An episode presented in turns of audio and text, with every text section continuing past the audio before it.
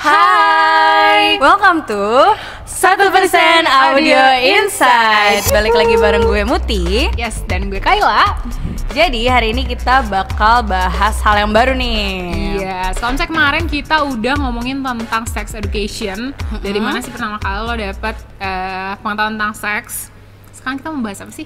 Sekarang kita mau bahas tentang depresi nih. Weh, berarti nyambung-nyambung eh, tentang mental health ya. Betul banget.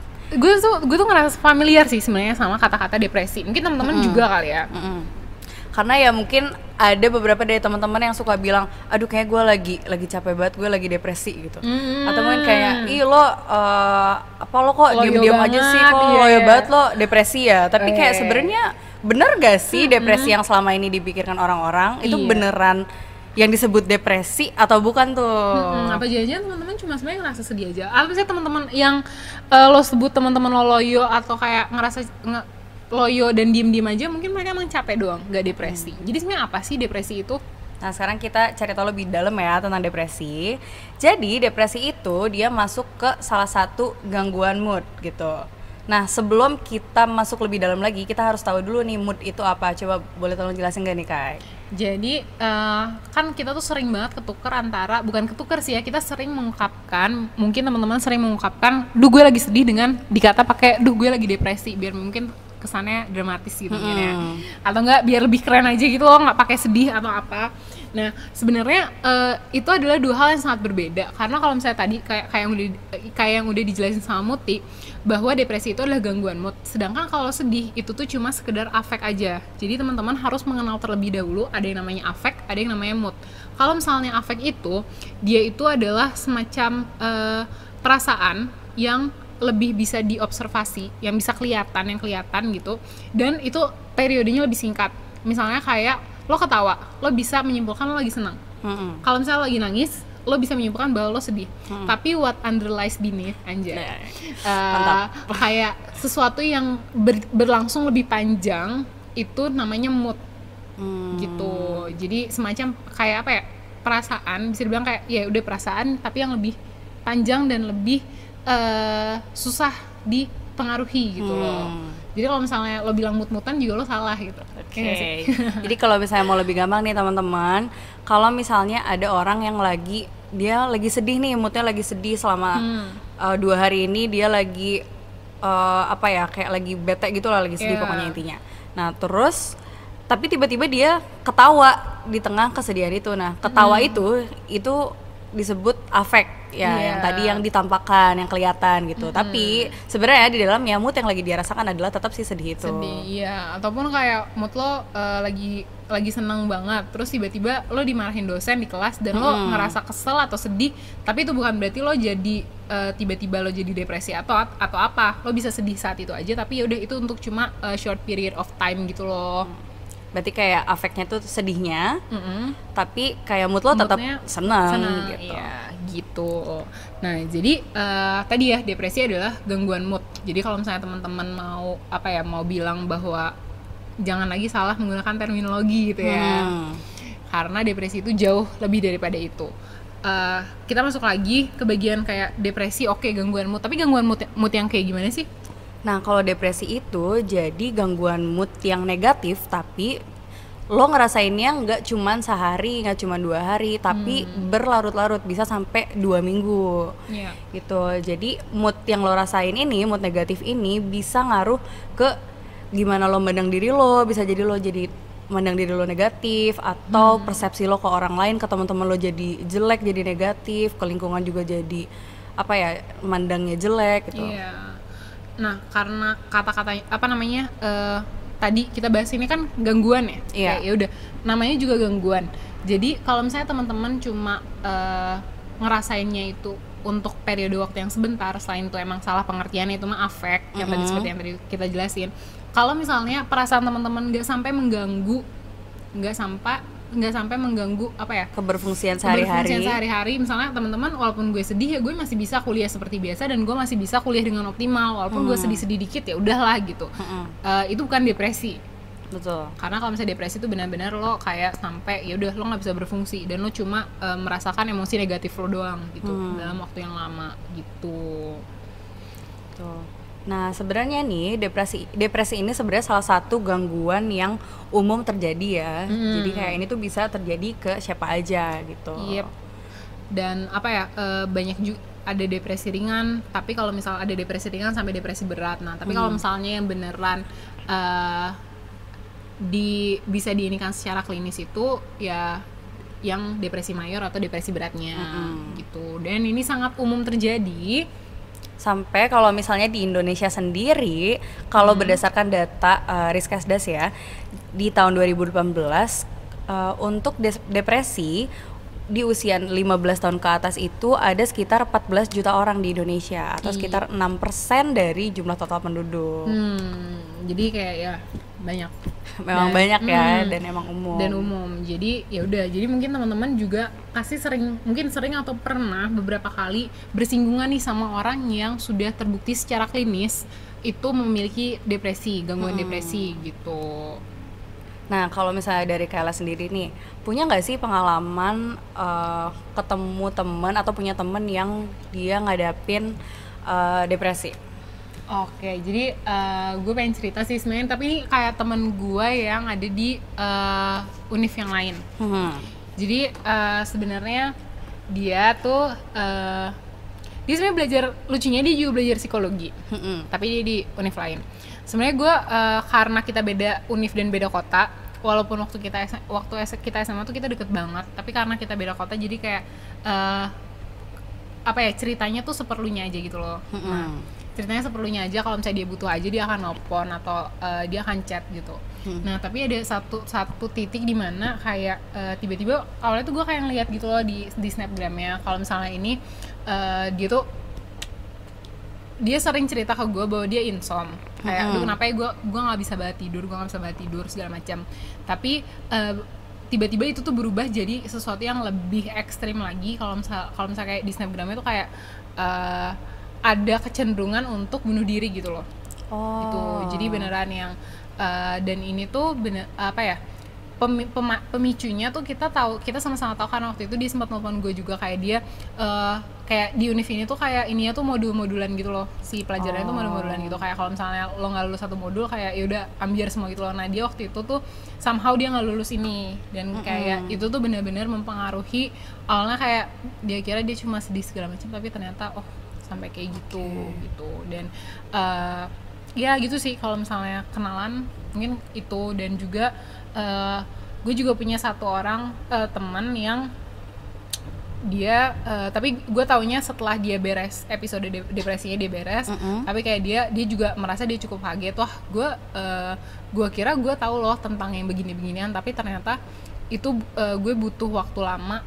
Gue butuh waktu lama untuk Menyadari. menggerakkan diri gue Oh. untuk ke ketemu sama psikolog atau psikiater gitu. Hmm, itu sih mungkin dari gue Oke, terus dari eh, cerita teman-temannya Kayla tadi, Hmm. apa sih yang Kayla lakuin eh, saat mereka mengalami itu?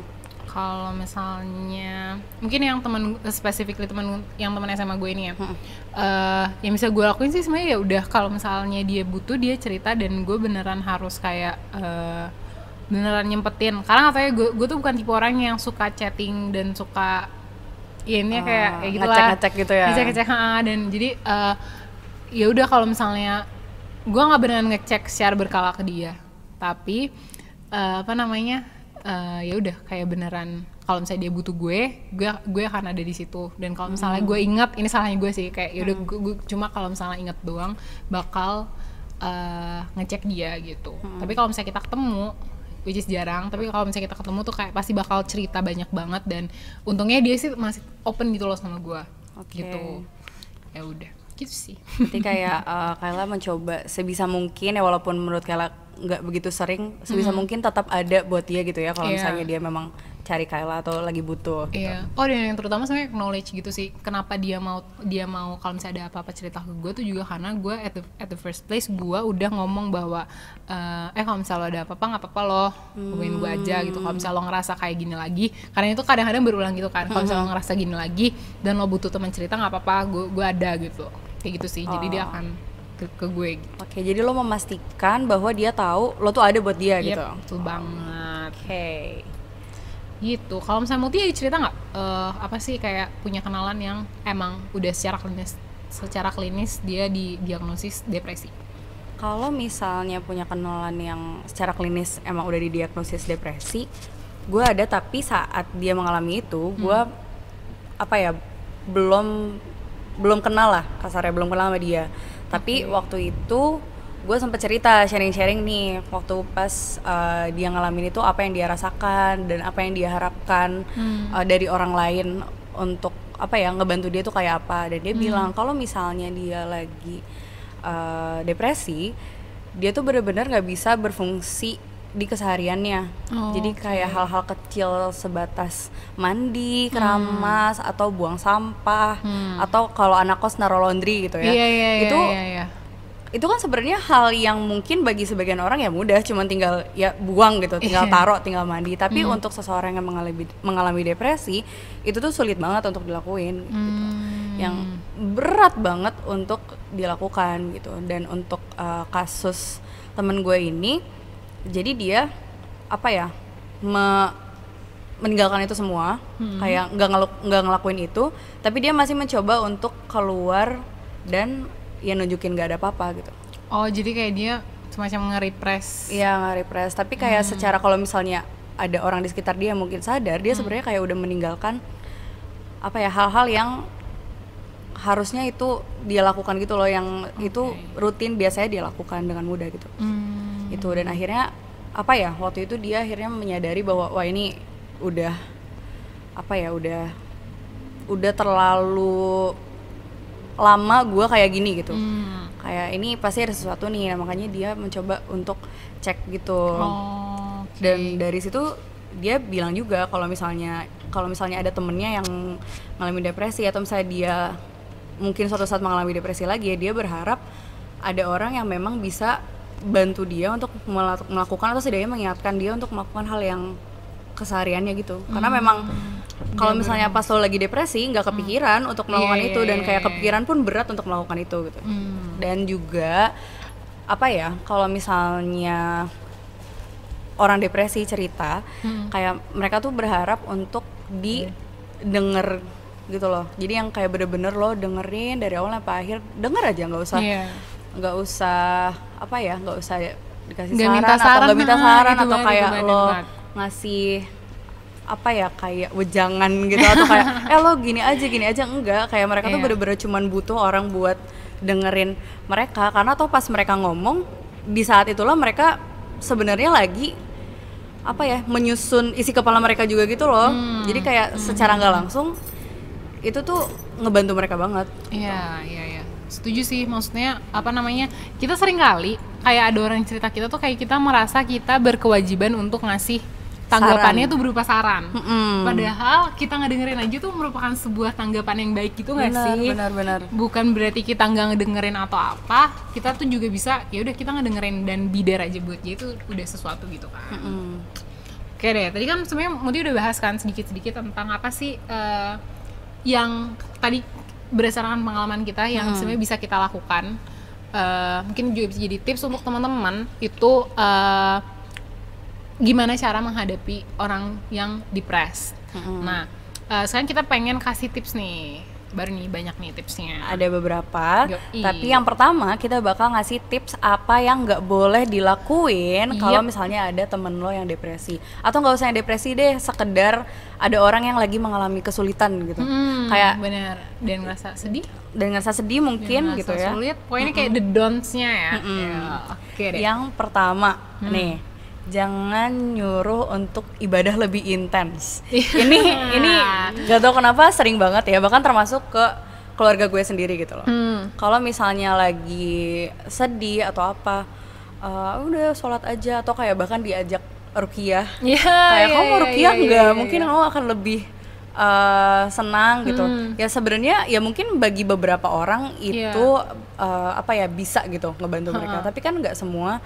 kayak gitu Bener banget. Kalau misalnya teman-teman dengerin podcast kita nih yang waktu itu pertama banget tentang stres, kan kita dicerita nih tiap orang tuh beda dong jenis copingnya. Kalau misalnya seseorang emang ngerasa nyaman dengan eh, sesuatu yang transcendental, aka agama, aka Tuhan. Kalau misalnya dia mau beribadah, ya oke gitu tapi jangan pernah kalian kayak berusaha fit in konsep kalian konsep atau enggak kebiasaan coping kalian ke seseorang gitu karena bisa jadi orang itu cuman mau didengar aja gitu loh. Iya. cuma mau didengar bukan mau yang kayak oke gue harus sholat gue bisa jadi eh, hilang depresinya. Enggak selalu kayak gitu gitu loh. Hmm, betul sekali. Gitu. terus yang kedua jangan pernah kalian suruh orang yang lagi depresi dan cerita kali ke kalian itu melihat sisi positifnya aja sering gak sih dengar kata-kata itu kalau misalnya pernah atau pernah nggak sih kayak kalian lagi cerita terus ya udah kamu lihat aja baiknya gimana sisi baiknya gimana Ka- karena ini kamu bisa belajar kan kayak gitu itu nono nggak sih Iya kayak atau enggak eh, bersyukur aja kan lo masih Iya. masih bahagia atau Iya, masih iya, masih ada iya. hal baik di diri lo gitu. Iya. Kayak nggak usah lah mikirin hal-hal yang negatif itu jangan banget ngomong kayak gitu ke terutama ke orang yang emang lagi ngalamin depresi. Bener banget. Apalagi kalau misalnya ya walaupun emang misalnya nih case-nya eh, lo sebenarnya punya masalah yang lebih besar, Mm-mm. eh, terus kayak buat dia dia dia cerita ke lo, dia datang ke lo terus dia gitu kayak, eh, duh gue gue gini gini nih, gue nggak punya ini nih, terus kayak ini gue bermasalah nih. Sesuatu misalnya kayak duh gue ada masalah nih sama orang tua gue misalnya kayak gitu. Terus dia gitu kayak lo balas dengan iya udah sans aja kali lo cuma lo cuma masalah sama orang tua lo. Kalau misalnya gue misalnya kayak orang tuanya udah nggak ada atau apa terus kayak terus kayak malah lo yang malah cerita itu nono banget Malah ngebandingin ya jadinya. iya parah banget tuh nggak boleh Padahal balik lagi ingat nih ya teman-teman, semua orang itu punya kemampuan apa ya Kap- nerima masalah, iya. kapasitas masalahnya tuh beda-beda. Bisa jadi masalah yang menurut lo itu mudah, tapi bagi orang itu tuh berat gitu kan bisa aja. Iya, jadi kayak sekali banget. lagi inget ya, jangan pernah ngebandingin masalah orang lain sama masalah lo sendiri. yes terus udah gitu terus yang ketiga gak sih ya itu itu ketiga ya. ketiga jadi tadi kita eh, terus udah gitu nih yang terakhir yang keempat itu jangan ngejudge, Ngejudge.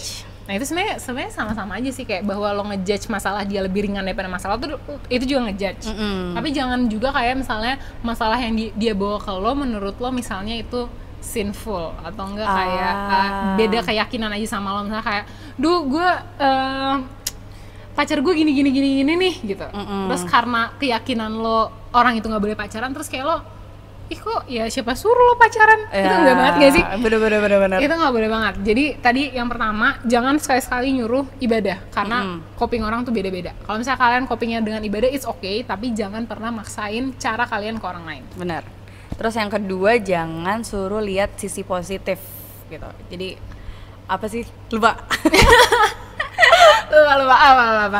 maaf, maaf, maaf. Jangan suruh lihat sisi positif aja gitu loh karena kayak kalau misalnya lo maksain lihat sisi positif doang, kayak ya dia kan lagi bermasalah, mana mana bisa dia lihat sisi positif gitu. iya iya iya iya Terus? walaupun kayak lo merasa itu sangat helpful Iya. enggak. Enggak buat orang itu enggak. enggak iya terus udah gitu yang ketiga jangan ngebandingin eh, cerita orang itu masalah orang itu dengan masalah lo dan yang terakhir Jangan ngejudge. Yap. Ingat ya, jangan pernah ngejudge. Nah, tadi udah don'ts-nya. Sekarang kita akan bahas tentang the do's-nya. Apa yang harus lo lakukan, apa yang lo bisa lakukan eh, kalau misalnya lo berhadapan sama orang yang depres. Nih yang pertama nih tadi udah disebut berkali-kali nih ya sama Kayla, sama aku juga. Jadilah pendengar yang baik gitu. Bisa jadi orang yang uh, lagi depresi itu emang cuma mau didengar aja gitu. Bener jadi banget. uh, pastikan lo ya udah denger aja dia dari awal sampai akhir. Hmm. Uh, jangan motong, jangan balik lagi jangan ngebandingin sama masalah lo. Pokoknya denger aja. Denger aja. Walaupun tadi sempat gue bilang kan kayak lo pasti nggak sih kalau misalnya ada orang cerita kalau lo kayak merasa berkewajiban untuk Ngasih saran. ngasih saran atau kayak nimpalin aja. Kan saran tuh kayak salah satu bentuk nimpalin gitu kan. Nah, tapi sebenarnya dengan lo ngedenger dan lo menjadi pendengar yang baik dalam artian lo kayak ngangguk-ngangguk atau lo mendengarkan dengan atentif itu juga kayak orang akan ngerasa ya udah masalahnya kayak mungkin dia merasa terbantu dan kayak duh enak nih cerita ke dia gitu. Karena dia pendengar yang baik. Bener banget. Terus yang kedua ada eh, yang harus lo lakukan adalah atau yang bisa lo lakukan adalah ajak ke psikolog. Kalau kalau eh, intinya cari bantuan profesional, Al- either itu konselor, either itu psikolog ataupun psikiater. Eh, kalau misalnya lo merasa dia udah menunjukkan tanda-tanda depres, Hmm. itu lo ajak aja dia kalau misalnya dia takut atau misalnya itu mungkin first time dia atau misalnya dia kayak ragu-ragu eh, yakinin aja. Bahkan kalau misalnya bisa lo temenin benar-benar. Karena sebenarnya gue pengen cerita sih mau tentang eh, kan kayak ada kan orang-orang yang kayak untuk mendramatisir kayak duh gue pengen eh gue kayak depres deh gitu. Terus kayak eh, kayak gimana ya caranya biar percaya supaya apakah apakah emang benar-benar dia depres kalau misalnya dia tiba-tiba kayak duh gue depres Mm-mm. padahal kayak ya dia cuma sedih sebenarnya. Gimana caranya tapi eh, gimana caranya biar kayak lo yakin dan akhirnya lo bisa bawa orang itu ke psikolog. Atau misalnya lo beneran nganjurin sesuatu yang emang bener gitu. Eh, karena belakangan ini kan banyak banget nih yang namanya self diagnose Benar. jadi kayak gitulah. Nah eh, teman-teman sebenarnya bisa merhatiin banget tentang eh, tadi kan aku udah sempat jelasin juga tentang gangguan. Kalau misalnya gangguan itu berarti emang sudah mengganggu keberfungsian eh, dia sehari-hari. Ini kan sebuah abnormalitas. Kalau misalnya dia dia sehari-harian normalnya dia bisa berfungsi eh, A B C D E terus tiba-tiba karena suatu gangguan ini dia cuma bisa berfungsi A doang aja udah capek banget. Misalnya kayak harusnya dia bisa eh, biasanya dia kuliah terus habis itu dia ngebem habis itu dia masih rapat kepanitiaan sampai malam segala macam terus tiba-tiba dia cuma gila gue kelas aja capek banget gitu. Terus dia tiba-tiba ngilang dia tiba-tiba naik diri. Itu mungkin teman-teman juga bisa mulai dirangkul temennya gitu. Hal karena nggak semua orang bisa vokal ngomongin dan ada juga orang yang terlalu vokal ngomongin padahal sebenarnya enggak gitu. Jadi ya udah kayak gitu sih sebenarnya. Cara terbaiknya adalah dengan ya udah cek aja ke psikolog gitu. Mm. dan eh, dengan kita nemenin dia ngecek ke psikolog atau dengan dia ngecek ke psikolog juga kita jadi tahu gitu loh sebenarnya apa yang harus dilakukan. Karena dia mungkin eh, lo udah denger dari podcast ini apa yang harus lo lakukan. Mungkin lo juga anak psikologi yang belajar tentang depresi gitu. Tapi eh, balik lagi kalau misalnya lo datang ke psikolog dan langsung nanganin ke masalahnya lo akan lebih tahu secara tepat cara yang emang paling sesuai sama orangnya. Iya, gimana cara dia apa ya harusnya apa yang harus dia lakukan dan apa yang harus lo lakukan sebagai teman gitu Hmm, yep, betul sekali. Jadi kayak bisa barengan gitu kan. Hmm, benar Terus dari gitu yang tiga apa lagi tuh? Yang ketiga bantu di kehidupan sehari-hari ini sama sama apa yang tadi gue ceritain sebelumnya jadi kalau misalnya orang yang ngalami depresi pasti dia ngalami kesulitan di keberfungsiannya kan jadi kalau misalnya ada temen lo yang memang mengalami depresi mungkin kita bisa bantu dengan ya di Iya. kehidupan dia sehari-hari sekedar kayak ngingetin makan ngajak makan gitu Betul. kan Kayak tadi mungkin yang cerita lo yang eh, temen lo kayak ngantor ke laundry aja tuh kayaknya susah, Susah, gitu ya. hmm. Apa nggak kayak ya ya ya ya itu juga bisa dibantu dan jadi ngeringanin buat dia juga. Karena tadi yang tadi yang Muti bilang orang depresi tuh nggak akan kepikiran bahkan sampai situ gitu loh. Hmm. Nah, terus udah gitu yang keempat yang terakhir, yang tadi juga udah diulang-ulang, itu adalah there. Jadi dengan kehadiran kalian aja atau enggak kayak tadi cerita gue tentang temen SMA gue itu kayak dengan lo knowledge ke dia bahwa ya gue ada kok di sini buat lo gitu. Kalau misalnya lo butuh apa-apa cerita ya, tapi jangan nggak annoyingly kayak lo kenapa lo kenapa lo kenapa kayak everyday atau enggak setiap jam gitu. Eh, tapi kayak dengan kita tahu kapasitas kita, kita bisa kasih ruang dia untuk sendiri dan berpikir kalau misalnya dia butuh kita, kita udah knowledge dia ada, itu tuh bisa banget juga lo lakuin. Gitu. Jadi for the recap, yang pertama ada jadi pendengar yang baik yang kedua juga jangan lupa ajak ke psikolog kalau perlu Iya. kalian yang nemenin juga tuh terus Yang ketiga ada bantu hal-hal kecil di kehidupan sehari-hari dia yang udah nggak bisa dia lakuin. Dan yang keempat yang paling penting adalah eh, be there dan acknowledge bahwa kalian emang di sini untuk dia gitu. oke oke tadi kita udah ngebahas banyak hal ya tentang depresi ini terutama gimana cara kalau misalnya kalian uh, punya teman atau berhadapan dengan orang yang memang mengalami depresi Hmm. Terus udah gitu juga eh, kita tadi udah kasih tips-tips the do's and don'ts kalau misalnya mau ngadep eh, apa namanya kali- kalian lagi ngadepin seseorang dengan depression. Jadi eh krik krik kereta lewat.